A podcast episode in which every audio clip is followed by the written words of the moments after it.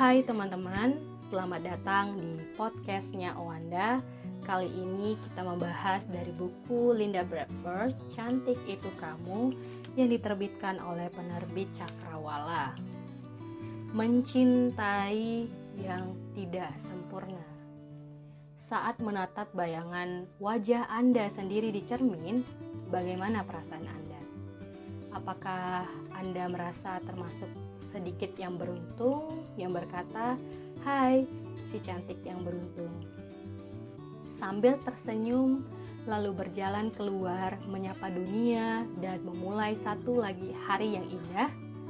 Atau Anda sama seperti kebanyakan kita menatap bayangan di cermin dan mengenyitkan dahi karena melihat kekurangan-kekurangan tampilan fisik Anda Mungkin pandangan Anda terpusat pada kulit wajah yang kurang segar atau hidung yang terlalu pesek, tulang rahang yang tidak proporsional, pinggang yang terlalu besar, rambut yang kurang hitam, dan sebagainya. Apa yang Anda rasakan ketika menatap bayangan diri Anda sendiri di muka cermin jelas akan mempengaruhi kondisi psikologis Anda. Anda akan memulai hari seperti tentara kalah perang, sama sekali tidak pede. Berjalan dengan pandangan jatuh ke lantai, bicara tidak jelas, dan seterusnya. Menghadapi masa lalu confidence seperti ini, para terapis banyak menganjurkan kata-kata yang memotivasi diri sebagai berikut. Yang pertama yaitu saya cantik, betapa malangnya orang yang tidak menyadari kecantikan. Yang kedua, saya senang pada diri saya sendiri sebab saya adalah makhluk istimewa. Yang ketiga, memang hidung saya lebih jelek dari si B, tapi saya punya mata yang lebih bagus. Apakah kata-kata yang memotivasi diri tersebut dapat menjadi solusi? Apakah tiga contoh tadi dapat menjadi solusi? Dalam batas tertentu, jawabannya adalah iya. Anda perlu menyuntikkan vaksin kepercayaan diri agar dapat melangkah keluar rumah dengan tegar. Namun, pada titik tertentu, terapi seperti ini tidak lagi efektif. Kadang, sebagian orang mencoba mengatasi hal ini dengan membaca buku. Namun, malangnya, mereka malah mendadak menjadi terlalu agresif dan egois. Konsekuensi yang tak diharapkan adalah mereka terkadang menyakiti perasaan orang lain karena mereka terlalu mencintai diri sendiri. Semua krisis kepercayaan diri memiliki latar belakang sejarah yang menarik untuk diungkap. Luka traumatik dari hubungan masa lalu mungkin menjadi satu sebab. Pengalaman ditolak atau dicampakkan merupakan sebab berikutnya, juga masa kanak-kanak yang buruk ketika orang di sekeliling kita terlalu pelit dengan pujian, malah memberikan komentar-komentar yang melemahkan mental terhadap apa pun tindakan kita.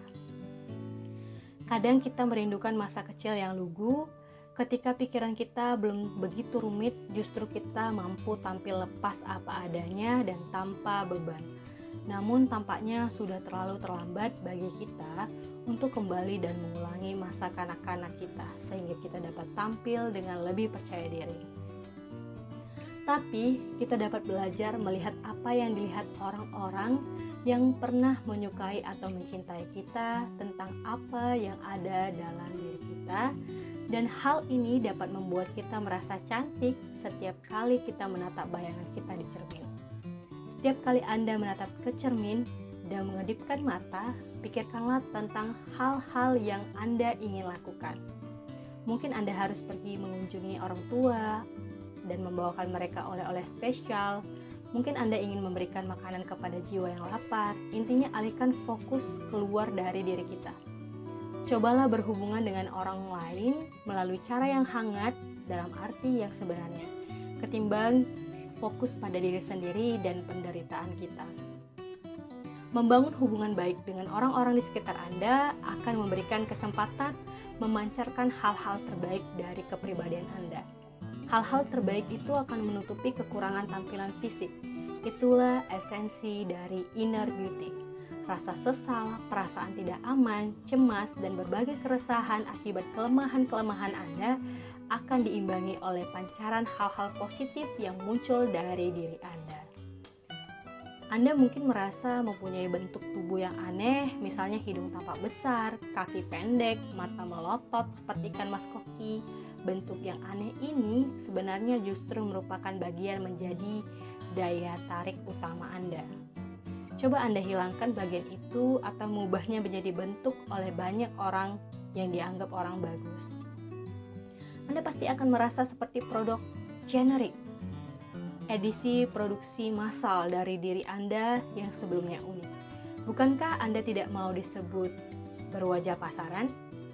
Hal yang seperti inilah yang dirasakan oleh Jennifer Grey, bintang Dirty Dancing yang ditah yang terbit pada tahun 1992 merombak bentuk hidungnya yang mencolok menjadi berbentuk mungil. Sebelumnya ia risih dengan bentuk hidungnya yang mendekati abnormal. Menurutnya, sesudah operasi, dia tak pernah lagi tampak seperti dirinya dan menganggap keputusan melakukan operasi ini sebagai kecelakaan. Bagian tubuh tertentu yang tampak aneh itu merupakan bagian yang tak terpisahkan dari diri kita Sementara beberapa studi menemukan wajah simetrik lebih menarik, studi-studi yang dilakukan Ludwig Boltzmann Institute untuk Urban Ethology di Vienna dan University of New Mexico menemukan wajah seperti ini justru merupakan wajah yang sering dilupakan. Apa gunanya membuat kesan pertama yang baik jika tak seorang pun akan mengingatnya? Selain itu, penampilan diri yang sebenarnya sedang jadi tren. Begitu menurut makeup artist Sue David. Karena itu, kenapa Anda tidak menunjukkan diri Anda yang sebenarnya yang khas, unik, dan tidak bisa disamai dengan orang lain? Jika Anda bukan model pakaian dalam, Anda tak perlu memiliki tubuh seperti gantungan baju. Fokus pada kesehatan Anda ketimbang berat badan Anda Kata Robert Pilgam, PhD, lektor kepala Applied Health Science di Indiana University. Kesehatan kesehatanlah yang harus menjadi sasaran Anda, bukan menurunkan jarum timbangan. Sebagai istri, Anda mungkin cemas kalau berpikir Anda bukan perempuan khayalan suami Anda. Padahal sebenarnya Anda adalah pribadi yang istimewa dan dia beruntung mendapatkan Anda dan itu tak diragukan lagi. Suatu kali, Daisy memergoki tunangannya yang eksentrik memandangi waitress sensual mengenakan rok mini saat mereka makan malam bersama. Daisy mengira tunangannya ingin mempunyai kekasih yang berani tampil agak seronok dan agak liar. Lalu ia mencoba mengubah penampilannya. Dia mulai pakai rok mini dengan atasan corak kulit leopard dan busana-busana aneh lainnya. Sampai suatu hari tunangannya bertanya, ada apa? Ada apa sih dengan dirimu? Jangan pakai baju-baju seperti itu. Saya lebih suka berpak kamu yang berpakaian sederhana seperti dulu. Anda mungkin merasa tidak mengalami kemajuan pesat dalam karir. Shirley, seorang perawat, suatu saat pernah merasa putus asa. Dia berpikir sudah begitu jauh, dia tertinggal dibanding teman-teman SMU-nya. Ada temannya yang jadi model, bankir, pengusaha, dan sebagainya tapi Shirley hanya bekerja sebagai perawat di sebuah rumah sakit milik pemerintah. Setelah merenung beberapa lama, dia berkesimpulan bahwa profesinya adalah yang terbaik baginya. Pasien-pasien yang terbaik sakit di rumah sakit mengingatkan saya betapa banyak yang sudah saya pelajari. Sejak itu, Shirley merasa cocok dengan pekerjaannya, perhatian dan pelayanan kepada para pasien telah membuatnya merasa berarti para ahli di University of California, San Francisco menemukan perempuan yang berpikir positif tentang dirinya dalam hal uang, pendidikan, dan karir lebih jarang terserang stres. Menurut Nancy Adler, PhD, jika Anda berjalan memasuki ruangan dan merasa sama dengan semua orang yang lainnya, maka Anda akan rileks. Tapi, jika Anda merasa orang lain lebih baik daripada Anda, maka Anda akan panik.